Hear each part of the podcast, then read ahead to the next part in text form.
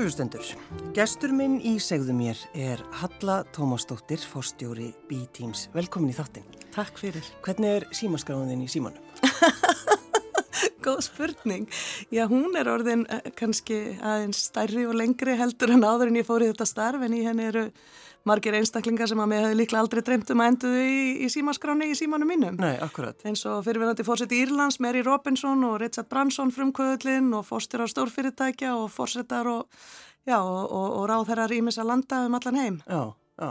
Þannig að þú, þú verður að passa hana, er það ekki? Það er ekki gott að ég týni símanum eitthvað staðar á, á barnum eða eitthvað staðar. Það, það væri ekki gott. Nei, ákvæmlega. En... Um, sko, að því við ætlum aðeins að tala um, ég bara sjálfaði þetta halla, en uh, mér langar svolítið að vita bara hvernig er þetta alveg upp? Já, já, ég er alveg upp af það sem ég vil kalla mamma og pappa frumkvöla í dag. Ég er ekki vissum að ég hefði átta mig á því þegar að ég var að alast upp í Kópóinum og mest upp á Kásnesinni í Kópói, en pappi hann var Hann er úr skaferði og hann átti erfiða æsku, var mjög ungur árum og sendur í sveit og þurfti að vinna fyrir sér og ganga langt til að fara í skóla og átti bara mjög erfitt. En hann kom staðan í, í sveit í borgarfyrinum og, og kom svo í bæin og, og mentaði sér sem pípulagningameistari og það var kannski út af fyrir sig ótrúlega segla og kjarkur sem hann síndi í því En enn meiri segla fannst mér að hann stopna síðan fyrirtæki og fer að setja jarðhetta í byggingar í Hamraborginni, í Kópóinum og Sunnurlíð og víðar. Þannig að hann næra að taka kannski eina af þessum svona, já, erfiða byrjun og hugsa eh, upp á nýtt hvað hann getur gert við pípulagnirnar og fer að vinna við það. Þannig að ég segi stundum að ég sé dóttir frumkvöðuls í sjálfbærni sem að ég vinn mikið við í dag. Og svo var mamma sem var, eina, var í fyrsta árgangnum sem útskriðast en þroskaþjálfi á Íslandi og hún hefur alltaf látið sér andum þá sem að samfélagi skilur eftir. Hún vann á það sem að þá var kallað hælið í Kópavæunum og, og barðist uh, mjög mikið fyrir því að einstaklingar sama hverja gerðar þeir væru eða uh, hver geta þeirra væri ættu að eiga skilið að, að vinna, hafa starf. Hún vann á vinnustofunum lengi þar að búa til einföld en mikilvæg störf fyrir þá skjólstæðinga sína og svo fyrir sjálfstæðri búsettu og barðist meðal annars fyrir því að það var til eitthvað ég húsið inn á loð Kópáhúshælis þar sem að einstaklingar um, sem að gáttu búið aðeins meira sjálfstætt fengu að búa við eðlilegri heimilislegri aðstæður. Og þetta þótti bara svo mikil bilding? Þetta bara... mikil bilding þá og, hérna, en, en ég vil meina að mamma hafi verið heilmikil frumkvöld bara í, sko, í mennsku og, og hérna sem oft er vantar þannig að Ég veit ekki hvort að þetta tvent gerði það kannski að verkum að, að ekkun neginn er í, í, í mínu gildismati og minni nálgun alla tíð síðan þessi löngun til að vera aðtapna kona, stunda viðskipti en gera það með hjartanu. Mm. Og ég er voð þakklátt þessum fóröldri mínum og það var aldrei, mér skorti aldrei neitt en það var aldrei mikið til heima og ég þurfti snemma að verða sjálfstæð og ég fór mjög snemma heimann tók snemma mikla ábyrð og, en, en mamma og pappi gáði mér þessi gildi og þessa nálgun og kannski þessa hugsun að hver er sinna gæfu smiður en það eru samt svo margir í, sem, get, sem hafa ekki þá getur til þess að gera það. Það er svo margir sem samfélagi skilur eftir, bæði hér í okkar samfélagi og ekki síst ef við horfum til heimsins alls. Mm. Það með hefur alltaf langað til að gera eitthvað í því og ég hef alltaf hugsað um ja, viðskipti og, og þær aðtapnir sem ég hef ráðist í um, sem að það reyja koma gagni og vera til góðs. En er þetta ekki sko að því þú, þegar auður kapital, þegar þú stofnum það, Já. þá er þetta, þú veist, þessi mannlega nálgun í fjármálagerðinum og maður hugsa bara, það er bara vonlega smál. Já, því miður held ég að það sé oft hugsunum hjá okkur, Já. en ég er bara þeirra skoðunar að svo sé ekki. Og í dag starfa ég með fólki sem hefur skara fram úr alþjóðlega og byggt frábær fyrirtæki eða verið fósettar þjóða og gert ótrúlega hluti og þau stopnuðu bítím fyrir tíu árum síðan og ég gerist fórsturið þeirra fyrir fimm árum með þá hugmynd að það væri ekkert hægt að stunda viðskipti með viðteknum hætti lengur. Við erum bara komin á þólmörgum þess að okkar samíla heimili, jörðin, þóli það. Við erum búin að ganga fram að svo mörgum, uh, mörgum þess sem jörðin í rauninni setur okkur. Samfélagsáttmálin er víða brotin eða minnstakusti brestir í honum og það er lítið traust á öllum stofnunum samfélagsins og þessi leiðtóar, þessi rúmlega 30 alþjóðlegu leiðtóar sem ég er að vinna með, þeir trúa því bara við getum gert betur og er að reyna að sína það í sínum fyrirtækjum og með sínum verkum en eru líka að kalla á stjórnvöld að komast einhvert lengra heldur en að hugsa um að hagkerfi að, og markaðskerfi sem að segja að hagnaður fyrir hlutafægi að koma á kostnað alls annars sem skiptir okkur máli sé bara gamla mótilið mm -hmm. og við þurfum að hugsa hlutinu på nýtt. Þannig að það er ekki, við megum ekki gefa upp von en það er alveg staðrenda ástæða þess að ég skrifaði bók sem heitir Hugrekki til að hafa áhrif er að við þurfum svolítið að endur hugsa hvernig við hugsum um fórustu og leðtóa. Það er alltaf mikið hugsað um að bara þeir sem hafi völd geti breytt þessu. En ég hef búin að kynast í mínum störfum út um allan heim með B-team að það eru bara oft starfsmenninir og almennir borgarar og ungir krakkar sem reyfa, sem að virka sér hugrekki og reyfa við fórstjórum fyrirtækja, reyfa við stjórnmálafólki, reyfa við þeim sem hafa völdin. Þannig að ég, ég hef óbúslega trú á því að það búi leiðtói í hverju og einu okkar og það þurfi að virka hugrekki til að láta þá rött og þau áhrif móta samfélagi taktu það sem við manneskjan viljum. Mm. En sko, þegar þú, þeir eru bóðið þetta halla, Tómasdóttir, verða fórstjóri B-team, vissur þú veist, vissur um hvað við verðum að tala? Já, ég gerði það nefnilega því að þegar við stopnum auðvikapital árið 2007, þá var þetta hugmyndafræðin og Já. okkur langaði til þess, við töluðum alltaf með, um hagnað á, á grunni góðra gilda. Við töluðum um það sem þá að kalla E, S og G eða Við vildum hafa umhverfislega og samfélagslega meðvutund og stunda góða stjórnarhætti og ekki bara hagnast á kostna hver sem er. Þannig að þegar að býttíma stopna árið 2013 þá var ég byrjuð að hugsa að ég kjölfar efnaðsrunsi sem við förum í gegnum og auður fer í gegnum án þess að verða fyrir tjóni og, og þá byrja ég að láta rött mín að hljóma enn meira um það sem að mér hefur allatíð fundist á alþjóðsviðinu og þar hitti ég marga af þeim sem koma saman í býtím. Meðal annars Mary Robinson sem verður fórsett Íslands 1990 uh, segir sjálf að hún hefði staðið á aukslum Vigdísar Fimboðadóttir sem að kjörin er tíu áram og undan og þær eru góðar vinkonur og ég hef notið þess að koma með Meri hérna til Íslands og fá að hitta Vigdísi og ótrúlegt að sitja með þessum tveimur konum og heyra bara þeirra æfi. Meri nálgast nú áttrætt og Vigdís er aðeins eldri en þessar konur eru enn að láta til sín taka og hafa áhrif og gera það alltaf að svo ótrúleiri mennsku, alltaf með réttlætið og, og mennskuna að leiðaljósi og ég bara hitti þetta fólk í þessu feralóta rött mína finn hugur ekki eftir að kannski lifa af efnahagsraun með þetta litla fyrirtæki okkar auði kapital og mig fer að langa bara að breyta kerfinu. Já. og, og, og hitt sko, annað fólk til þess. Já, þurftur að hugsa þig vel um? Já, ég reyndar þurft að gera það en það var líka, þau þurftu líka að hugsa sig vel um. Þau vorum yfir 20 um, umsækjendur í loka ferlinu og ég fór í 14 viðtöl fyrir Aha, þetta starf. Bara hver er þessi halla frá Íslandi?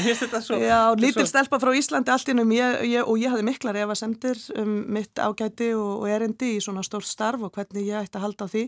Já, en, gerður þau alveg efaðistu? Já, já, já, alveg og hérna um bara hvort að þetta var í raunin alveg galið, akkur ættu þau að velja mig um, og Ég, já, ég barðist við það. Ég hef allatíð barist mikið við evasendir. Ég kalli þetta stundum svona leiðilega herbyggisfélagan sem býr í hausnum já, og er alltaf að segja hver er þú að já. gefa kost á þér? Hver er þú? Hvaða erindi átt þú? Alltaf að svona tuða. Heldur að þú getur gert eitthvað? Já, og ég held að þetta búi í höfðinu á okkur öllum mm. og það er svo gaman að segja frá því að, að hérna, síðasta viðtali sem ég fór í var við Richard Branson og hann var bara með eina spurningu og hann spurði bara hvað langar þig að gera? Og ég bunaði út úr mér einhverju ástrufullri dembu sem kom bara beint frá hjartanu því að í hjartanu langaði mig alltaf í starfið og einhvern veginn vissi að það væri rétt fyrir mig. Mm. En höfuðið þvældist fyrir. Já. Þannig að ég segi nú oft við sérstaklega mér yngra fólk að þegar við náum að sleppa taumhaldi af hausnum, dveljum aðeins mér í hjartanu, þá vitum við hvað skiptir okkur máli, þá þórum við að sína hver við erum og einhvern veginn tekst mér að gera það í símtal með hann og svo segir hann bara við varum heppin að fá þig, þetta á 14. viðtalið.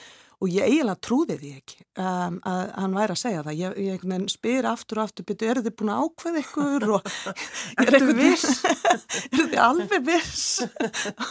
Og hérna ég er alveg, alveg hérna til en þú veist, eru þið til? En ég ætla samt að segja á hinarliðina ég tók líka viðtöl í þessum 14 viðtölum við þau því að ég ætlaði ekki að fara að vinna með alþjóðlum leðtóum sem er að tala um aðra sín nema þau virkilega myndu það mm -hmm. Þannig að ég gerði það líka og það er kannski eitt af því sem að ég er að deila í þessari bókminni er að sko þegar að þú ert með innri áttavita og það er eitthvað sem að ég hef reynda bæði kenna, þegar ég var að kenna við háskólinni Reykjavík en hef reynda að temja mér í mínu lífi að vita hver minn tilgangur er, setja það niður á blad, þekka mín gildi, setja það niður á blad og reyna að taka allar ákvarðanur út frá því en ekki hvað öðrum finnst eða hvað aðrir telja ég að gera. Og þessi áttaviti reyndist mér alveg ótrúlega taldreipi bæði þegar ég fór í fórsetaframbóð og, og svo þannig í kjölfara á því þegar ég byrji þessu langa samtali sem ég ávið býtum um að taka við þessu starfi. Og ég bara vissi að ég ætlaði ekki að taka við þessu starfin en ég hefði fengi hugur ekki til að vera ég sjálf. Ég ætlaði ekki að vera málpípa þeirra ef ég fengi ekki að segja allt sem mér finnst. Ég ætlaði ekki að taka við þessu starfi ef þetta snerist ekki um að leiða alvöru breytingar um, ég var bara búin að ákveða að það væri restin af æfinni mm. þurft að snúast um það Og hvað sagði fólkið þitt Halla þegar þú fegst starfið og sagðir nú erum við að flytja til New York? Já, ég reyndar byrjað að tala um þetta við börnum mín, þau voru 13 og 15 ára þegar ég fór í fórsetta frambú og þarna voruðu orðin tveimur árum eldri. Byrjaði á að spurja þau og mannin, mm. er þetta eitthvað sem að þið eruð til í áður en ég svona gaf loka svar. Já. Og þau sögðu svo lengi sem þau fengið að klára skóla árið og svo lengi sem að að þetta væri eitthvað sem að mig langaði til að gera og pappi væri til að þá væri þetta bara enn einir fjölskylduflutningarnir og ævintýri sem við færum í og tókuði afskaplega vel. Mm. Uh, sem betur fer, ég er nú svo vel gift að ég á mann sem að þórir að eiga konu eins og mig og þórir að styðja við hana mm. og það er ekkit alveg sjálfgefið en hann hafði líka gengið með maðanum að hann svona hugsaði sinn tilgang í lífinu upp á nýtt eftir, já, árið 2012 þá ákveður hann, hann var að vinna með okkur í auði kapital og var í eignastýringu, var að stýra auði fólks mm. og hann sagði þetta ef við með einn raunverulegu auður er heilsan, hann hefur alltaf verið heilsumiðaður og að hann langaði að fara og læra kokkin og ekki bara kokkin heldur heilsukokkin.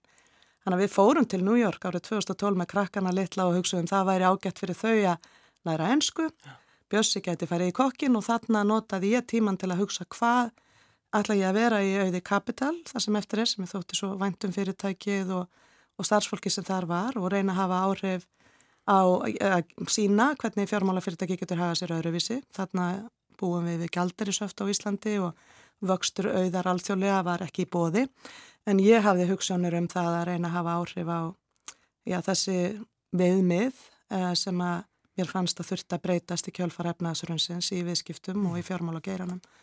Þannig að ég ákveð á þessum tíma að ég ætla að stiga skrefið frá frumkvölafyrirtækinu mínu og inn í eitthvað óvissu sem ég vissi ekki hvert myndi leiða mig en, en leiti mig á mörg svið og inn í mörg fundarherbyggi þar sem annað fólk sem hugsaði eins var að ræða málinn og hefur bara verið alveg ótrúlega erfitt oft en gefandi ferðalag. En hvernig er lífið þitt í dag, Halla? Þú eru líst svona kannski einni viku.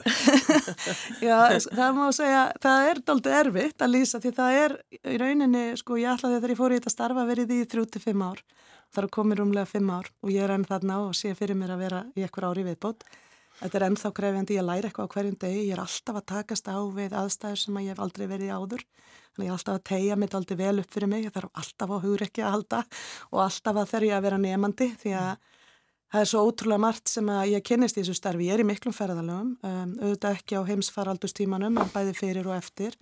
Ég ferðast víða, ég fer til Afríku, Suður, Ameríku, Asju, ferðast um bandaríkinir út um allt í Evrópi. Ég er mjög mikið að tala um fyrir þessari sín okkar en líka að leiða fólk saman. Þannig ég myndi segja að sko flestir dagarnir hjá mér, þá er ég að reyna að leiða saman fulltrú á stjórnvalda, fórstur á stóra fyrirtækja og almenna borgara sem að hafa aðra sín Og, um, og til þess að... að til þess að reyna að leysa stæðstu áskoranir sem heimurinn stendur frammi fyrir. Við erum að vinna að málum í B-team sem að er ekki hægt að vinna innan bara hverjar borgar eða hvers samfélags en þarf samt að mm. vinna að innan hverjar borgar og hvers samfélags. Við erum að vinna að því að við náum kólefnislöðleysi, við vorum fyrsti hópur fórs úr fyrirtækjum og, og og alþjóðleira leðtóa til að segja að við þyrtum að ná kólefnislutleysi eigi setna en árið 2050. Mm.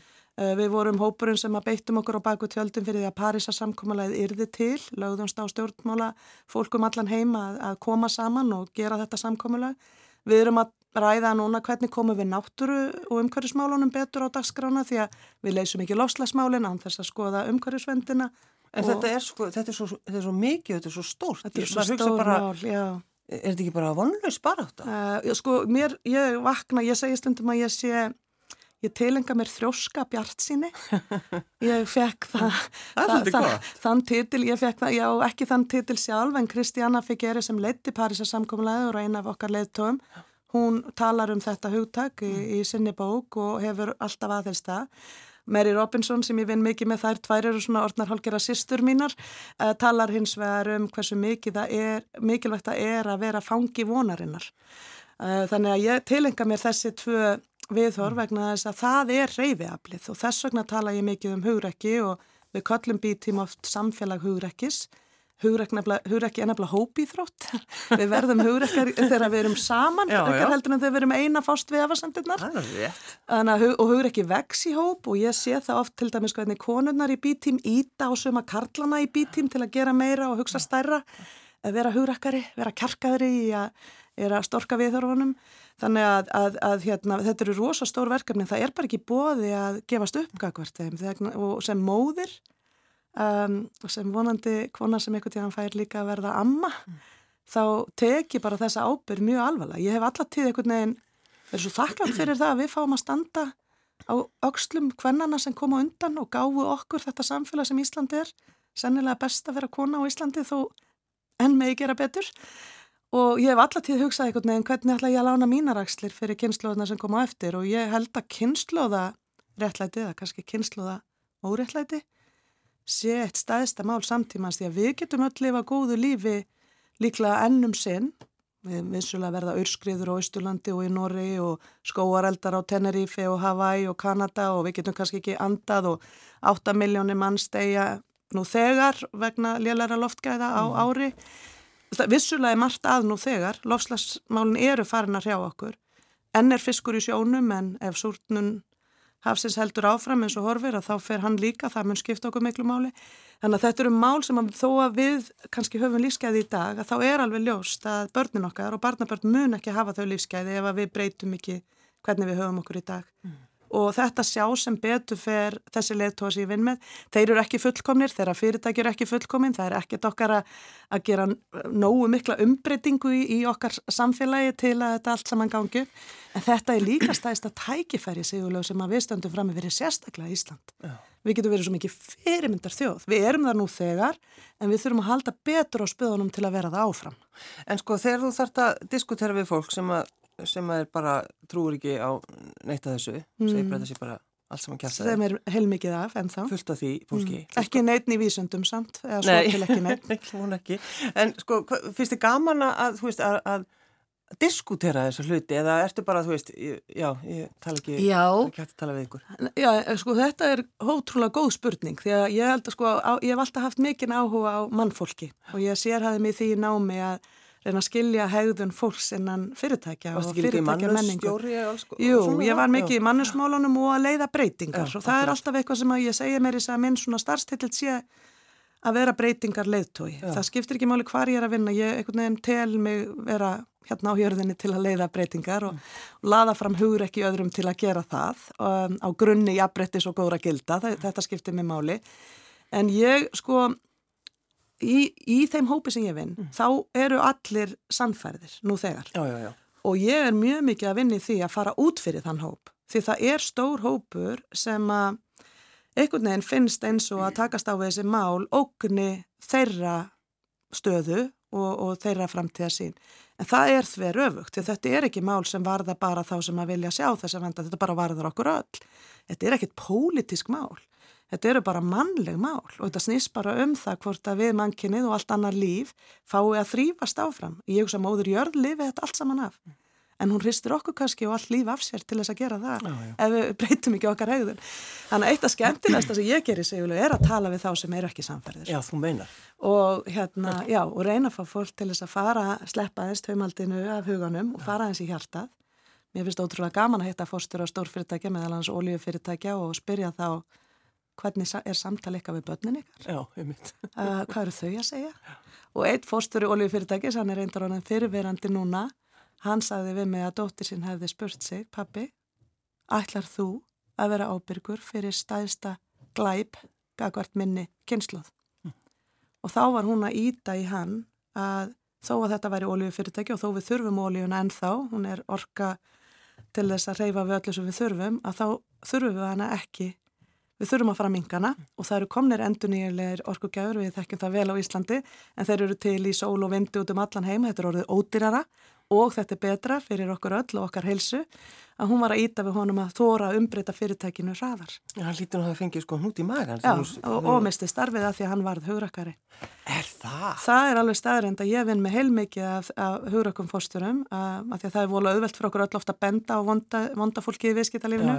Það er alveg fullt af góðu fólki til þar líka sem er að reyna að breyta rétt en kerfið er bara svo stert og þegar að fórsturar eru mældir á fjárasleiri arsemi til skamstíma engungu til hluthafa og við erum ekki búin að setja verð á þau verðmæti sem felast í náttúrunni og samfélaginu að þá verður mjög erfitt fyrir fórstjóra að umbreyta málum. Og mér finnst mjög gaman að segja sögu frá einum af fyrstu leðtónum sem kom í bítim og hann leitt eitt orku fyrirtækið í bandaríkjanum og hann var snemma að segja við þurfum að fara miklu hraðar í sólarorkuna og hún verður ódýrari og betri fyrir okkur öll. Og hann á leiðinni til Parísar þegar það var verið að semjum Parísar samkomulæð þá mist hann starfið. Stjórnin hans hafði ekki trú á þessari miklu umbreytingu sem hann vildi leiða. Það sem hann gerði laði hins var grunn að miklum framförum fyrir það fyrirtæki, það orkufyrirtæki og í dag er hann undir ráð þeirra orkumála í bandaríkjónum og ber ábyrð á stæðst fjárfestingu sem að bandaríkjastjórn hefur lagst í til þess að umbreyta sínu samfélagi í takt við framtíðana en ekki fortíðana. Mm. Þannig að hann lendi nú á fótunum en það var erfitt ferðalega að og þetta er alvöru hugrekki oh. að þóra að leggja starfsetta veði um, til að umbreyta því sem að ég held að allir viti að þarf að gerast. Við erum í stæðstu byltingu sem okkar kynslumun fari gegnum. Við fórum í gegnum yðnbyltingu fyrir löngu síðan af hundra stæðstu fyrirtækjum í heimi þá livðu þrjú fyrirtæki það af. í þessari byltingu veit ég ekki hvort að nokkur fyrirtæki sem ekki eru hugrekk til að leiða breytingar muni mm. lifa af. Það er svo mikið að gerast. Akkur er þetta að skrifa þessa bók alla? Ég er að skrifa þessa bók vegna þess að ég trúi... Því þú hefur bara svo mikið tíma. ég er í svo mörgum löngum flugferðum. Bara... ég byrjaði að skrifa þessa bók áður en ég fór í bítím, í kjölfar fórsetta frambúðsins. Já, já, og, og ég skrifaði þá stæðstanhlutana en auðvitað gerði svo mikið síðustu fimm ár og ég fór í svo margar 15 klukkutíma flugferðir sem að ég er með móra lifir að fljúa svo mikið til að reyna breyta heiminum, það já, já. er heilmikil tókstreita í mér gagvart í já, það, og er að reyna að breyta því. Já, þá farðu líka aðtúrsendur frá þeim sem er ekki að vilja breyta. Og þær eru alveg réttmættar, ég skil þær alveg, en, en hins vegar er mikilvægt að laða fólk saman mm -hmm. í mhm. þetta samtal og í úrbætur og vinnu Akkurat. við það. En ég er að skrifa þessa bók vegna þess að ég hafna þeirri hugmynd að engöngu þeir sem setja á valdastól geti breytt eða muni breyta heiminum í takt við það sem við eru í rauninni hagsmunir okkar mm. almennings. Ég held því bara miður að við getum ekki treyst bara stjórnvöldum eða bara viðskiptalífinu til þess að gera þetta. Ég held við þurfum hvert og eitt okkar að ebla hugur ekki okkar til að láta okkur þau mál sem að skipta okkur sköpum varða, mm. að móta okkar samfélag. Þannig að bókinni skrifu fyrir lesandan. Ég trúi því einlæglega að það búi leiðtói hjarta hvers og eins okkar en ég held við fáum litla þjálfun í því. Já. Í skóla er engin að kenna okkur hugur ekki ef við fyrir með viðskiptafræði þá æfum við bara heilan og, og stundum bara hlutans. Uh, við náum ekki einu svona virkja sköpunarkraftin ef við missum hann, ef við erum gríðalega sköpunarkraft þegar við erum lítil börn og við smásamann missum hann yfir æfina og það er bara vegna þess að við erum öll hjartir og við föllum inn í kerfin og höldum áfram að viðhalda þeim. Mm. ég er að byrja lesandan um að velta fyrir sér hvort að það sé besta leiðin og spyrja lesandan spurningu sem Mary Oliver, uh, bandariska ljóðskáldið spurði og ég þýði lauslega segðu mér, Já. hvað ætlar þú að gera við þitt eina, vilda og vermæta líf? Já. Ég er að skrifa bókina til þess að fólk veldi þeirri spurningu fyrir sér, spyrja sér hver það velur að vera, hvað þú ætlar að gera á fordamalösum tímum í okkar samfélag og í heiminum öllum, því að við getum öll lagt eitthvað að mörgum, við getum öll gert gagn Við þurfum ekki öll að breyta heiminum en við getum öll breytt innra heimi okkar. En sko þú, þú alveg, þú trúur þessu og þú, þetta er bara, Já. þetta er þú. þetta er bara ég að tala. þetta, er bara, þetta er bara þú að tala. Þetta er ég þegar ég bý í hjartanu en ég bjá ekkert alltaf þar. Nei. Og hef alla tíð uh, þurft að takast á við, já, ofur hugsun höfusins, ja. evasendir og uh, um, um að ég megi láta rödd mína hljóma. Já. og ég held að það sé satt um alla þegar ég sagði Richard Bransson frá Evarsamtunum sem ég var að kljást við í aðdraðanda fórsetaframbúsins þegar það var skorað á mig að fara í það brjálaða verkefni þá saði hann mér að hann hefur alla tíð þjást af þessum Evarsamtaröttum með megið ágæti líka Já. og hann er búin að byggja upp eitt stæðsta fyrirtæki í heimi og gera ótrúlega hluti og er mjög hugrekkur allavega í því að fljú í loftbelgjum og klífa niður byggingar og gera alls konar hluti. Já, já, já. Ég er ekki að tala um þetta hugrekki til að taka líkamlegar áhættur. Ég er að tala um hugrekki hjartans, hugrekki hugans, hug, félagslegt hugrekki. Þú eru að standa upp í vinahóp sem er að tala um á eitthvað máta til dæmis um þau mál sem skipta okkur máli. Þú erum við að standa upp og segja þetta er ekki fallegt. Er þetta besta útgafan á okkur? Ætlum við að vera svona? En sumið segja að þá maður ekki verið eitthvað að fara að rífast við fólk, þetta er bara þeirra skoðun, en, en ámaður einmitt ekki þe- að gera þetta. Jú, ég held að maður þurfi kannski ekki enn til að rífast. Ég held kannski að vandin í dag, segjuleg sé, að við erum svolítið að láta samfélagsumræðu hér og annars það ráðast að þeim sem vilja akkurat. Þeir sem að sko svona öfga um, orðræðu og kannski ljótri orðræðu á báðum um, endum allra mála. Og þetta sjáum við hvað hefur til dæmis gert fyrir bandaríkinn, þau eru klófin í herðan niður, það er eiginlega bara borgarastyrjöld í landinu vegna öfgaskoðan á báðum endum. Langflest fólk er betur en þetta og við erum reyndar öll betur en þetta, við erum bara ekki öll á góðum stað. En ef við erum á góðum stað og erum bara sittum betur í mennskunni okkar, að þá erum við betri heldur en þetta að öskra á hvort annað. Við getum sest niður og eigum miklu meira sameigilegt. Og þegar ég kom á samt öðru góðu fólki að ég halda þjóðfund hérna á Íslandi Alveg eftir Hva- Já, alveg rétt. Við stopnuðum mauraþúuna, voru nýju sem byrjuðum, komum úr ólíkum áttum og við trúðum því að viska fjöldan skæti varðað leiðina fram á við fyrir Ísland. Það er eitthvað fallegasti dagur sem ég hef upplifað. Já. Það er ótrúlega fallegt að sjá fólk allt frá 18 ára aldrei til áttræði sitja saman sem borgarar og tala um framtíðina fyrir sitt samfélag. Það leysist eitthvað orka á læðingi þannig að ég tel að við getum verið betra en þetta. Ég myndi gærnan vilja sjá okkur Íslandi taka þá nálgun, við erum svo lítið samfélag, það er svo auðvelt að virkja fólk til að koma saman ef að við höfum gott ferli í kringum það og tala um þessu stóru mál, frá kvalveðum til flóttamannamála, til loslags og umhverfismála, til jafnbrettismála og þá menna ég jafnbretti mjög víðum skilningi, jafnbretti á milli kynnslóða er eitt staðista mál, eru við um, með hagkerfi sem leifir ungu fólki að velja að búa hér þegar ofurvextir eða verðtrygginga eru tveir valkostunir eða alltaf eignast þakka yfir höfuðið. Ég held að séu svo mörg mál sem að væri hægt að þróun ferðarþjónustunar á að vera ykkur sín á baku það, að vera ykkur gildi sem að leggja grunna því hvernig hún þróast um, og, og hvort að það sé bara óendanlegur fjöldi eða hvort að það sé ykkur takmörk til að venda okkar náttúru. Ameríski vini minni spyrja alltaf þegar þeir koma hérna, hvað er að ykkur? Setið ekkert verð á þetta verðmæta land? Ætlið ekki að, að, að láta okkur sem eru orðin svona mörgursunum fleiri en þið leggja eitthvað að mörgum fjáraslega til að hjálpa ykkur að byggja upp og venda Já. þessi verðmæti ykkar? Hvað er að ykkur? Hvað er að ykkur? Hvað er að ykkur? Ég fæði þessa spurningu hvert einasta skipti og, en þau elska Ísland en þá Sumir segja að þau þurfa að passa ykkur, passa ykkur á þessum skemmtifæraskipum, mm. akkur eru það eða ykkar loslaskvóta í það og það verða engin verðmætt eftir í, í landinu. Þau spurja af hverju eru þið, eru það að passa nógu vel upp á að þið séu það en þá ekta því við komum til Íslands því við viljum hitta ykkur og upplifa ykkur og upplifa það sem er Íslandst og ekta. Þannig að það er svo margt, það er svo margt sem að við þurfum að hugsa upp á nýtt þegar svona miklar umbreytingar eiga sér stað og ég vona okkur lánist hugur ekki til þess og ég er að skrifa bókina til þess að ebla all okkar fólk sem að hefur huga á að lesa eða bara heyra mig tala um hana Já.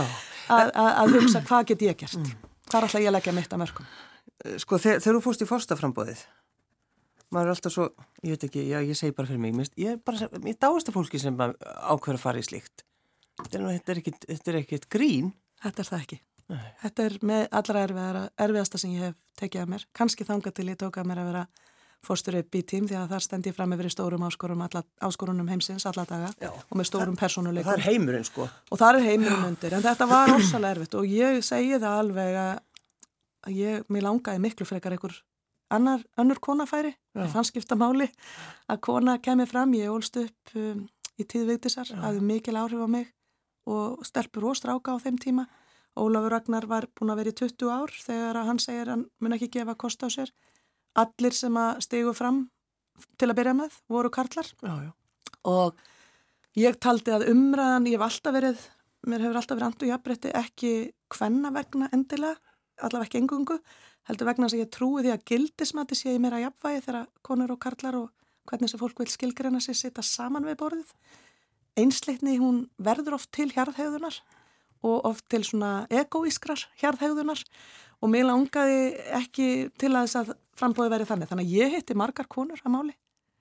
Um, og allar höfðu efasendur um eigi ágætti eins og ég eða eigið erindi. Já. og ég kláðist þetta í marga mánu og langaði bara ekkert til að gera þetta. En á endanum þá var ég bara búin að halda allt og marga kennslustundir fyrir ungt fólk sem að var að megninu þau sem skoruð á mig. Það sem ég sagði, já, sannuleit og ég hann bendir ekki út um klukkan hann eða hún tekur speilin og segir hvað ætla ég að gera Mm. þannig að spurningin sem að ég var að kljást við í svo marga mánuði sem var hver er þú að gefa kost á þér breyttist loksins eftir mikla innri baráttu þegar ég satt betur í hjarta mínu og varð hver er þú að gera það ekki En, en sér það eftir ég að fara í þetta? Aldrei, ekki eitt dag, hvorki ár. Það var erfiður dagur þegar ég fekk 1% í skoðanakönnunum 45 dögum fyrir kostningar. Já. Um, fólki mitt átti erfitt með að horfast í augu við mig, en það var bara eitt besti dagur lífsmins. Og það, ég segi það alveg Já, þú veist, 1% í skoðunum Já, 45 dögum fyrir kostningar. Já. Og sko það þurft að fá... Svo hlæg ég. Já, ég, ég hlæg líka. Já. Þetta er, en sko auðmygtin er nefnilega hinn hliðin á, á hérna hugrekkinu og hugrekki án auðmygtar er bara, getur verið fíbldirska eða jafnvel hróki og það er bara rosalega gott að átta sig á því að þú ert ekki að ná í gegn með þín skilabóð. Það voru kannski fyrir því ymsar hindranir, lítill tími í fjölmunum, margir frambjóðundur, skrítin tími, Já, já, já. uh, alls konar ástæður. Ég kom úr viðskiptarlífi, fjármálalífi, Panamaskjölinn komið fram á þessum tíma, margir töld að ég hefði tekið þátt í því að fela peningaríksfólk sem að ég gerði aldrei og, og margir vildur reyna að setja þá áru á mig að því að fjármálum og viðskiptum að, að ég hefði eitthvað, eitthvað slæmt gert og það er skiljanlegt, þetta bara er einn byrtinga með einn tröstskrísunar en ég þurft að komast fyrir framann fólk til að segja mína sönnu og eigin sögu. En langaði þegar þú fegst þessa, þetta eina prósent í þessar skoðanakonun, langaði þá að hætta? Það spurðu allir, ætlar ekki að hætta. Já. Nei, því þá fór ég í áttavitan minn og þó að engin annar treysti sér það kom engin heil á sjálfbóðafund og kostingaskristunum þennan dag. Þetta var, þetta var alveg á svona þögn og eins og ég segi fólk horfið niður þátt erfitt með að horfast í augum við mig. En nei, því þá fór ég bara úr hausnum og hugsaði þetta ekki sem eitthvað ekomál en það fór ég ekki fram vegna þess að ég yrði að vinna. Ég fór fram með minn áttavita, voru mál sem skiptum við mál og ég hugsaði það er sigur út af fyrir sig ef ég kem þeim málum á dagskrá og reyna að sína með góðu fordæmi hvernig mér finnst fórista eiga að líti út. Og, og það er einhvern veginn önnur fórista heldur en við sjáum oft og þannig ég gerði mitt besta og þann dag ákvæði bara hægt að hlusta á fólk sem saði mér að þú ert ekki að segja þetta, þú ert að klæða þig svona, þú ert að gera hitt og þetta og fór bara að hlusta á eigið hjarta Já. og let þá rödd hljóma bara eins hátt og ég fekk tækifæri til og um leið og ég fekk svona einhvern aðgangin í fjölmila þá breyttist allt og við endum þarna þa- í þessari baráttu með kannski að margir segja enn þann dag í dag við mig ef að ég hefði haft viku í viðbóta þá hugsanlega hefði ég orðið fósiti. Já, hvað var það? Hvern, hvernig endaði þetta? Já, ég end, endaði 28% atkvæða og, og í fyrstu tölum úr söður kjördæmi stóð ég liðin á guðuna og við vorum næstu því jöfn og þá fekk ég nú bara næstu því hjarta og fekk beinni útsendingu. Ég átti náttúrulega ekki von á því. Þetta var ótrúlega mikil breyting á lokasprettinum en ég hef aldrei einn dag síðan eftir þess að ég kynntist bæði sjálfri mér og fjölskyldunum minn og vinum og þjóðinni minni. Og hérna ótrúlega nota, ég læriði mikið um sjálfa mig og aðra. Ég eldi getuna og hugrekkið til að sína sjálfa mig, til að segja það sem mér finnst ekki það sem öðrum finnst að ég að segja. Og það öruglega gaf mér hugrekki til að hugsa að ég gæti tekist á við starf eins og það sem ég er í, í dag að mér væru allir vegir færir. Og það er ákveð frelsi í því að, að get ekki trista á það að, að hérna, eitthvað annað en þú sjálf muni klára svona baráttu eins og það er að gefa kost á sér. Þegar þú ert úti og saknar Íslands, þá hlustur alltaf eitt lag. Já, það er alltaf sama lagi. það er alltaf sama lag. Og- Og, og- hvað fyrir alltaf að gráta? Já, ég ger það bara oft. Þá sitt ég vel í hjartanu og er eins og ég kalla heima. Já, Og, og það er lag með dásalegu fólki og þetta er lítið sérskvært sólulag. með Valdimar og sig. Segðu mér, hvað ætlar þú að gera við þitt eina vilda og verðmættalíf? Þetta er svo góð spurning. Halla Tómasdóttir, takk fyrir að koma. Takk fyrir mig.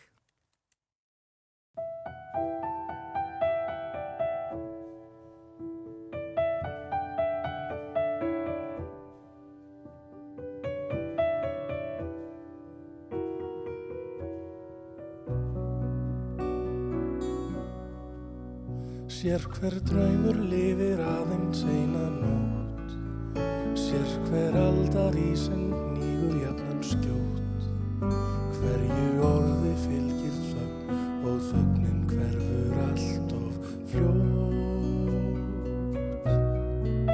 En þó að augnablikið aldrei fyllir stund Skaltu eiga við það mikilvægan fund. Því að tár sem þerra burt Aldrei nær að græða grunn Líktu sér hvert sólarlag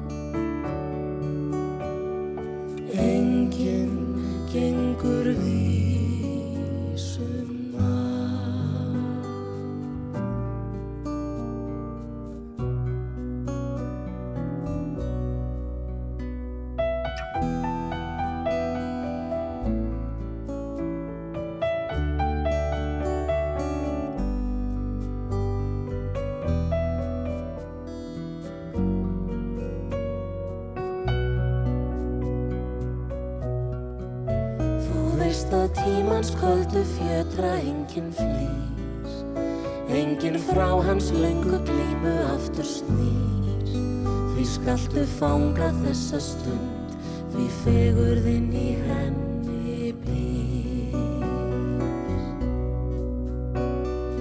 Líktu sér hvert sólarlag sem þitt hinst að væri það því morgunni eftir ó.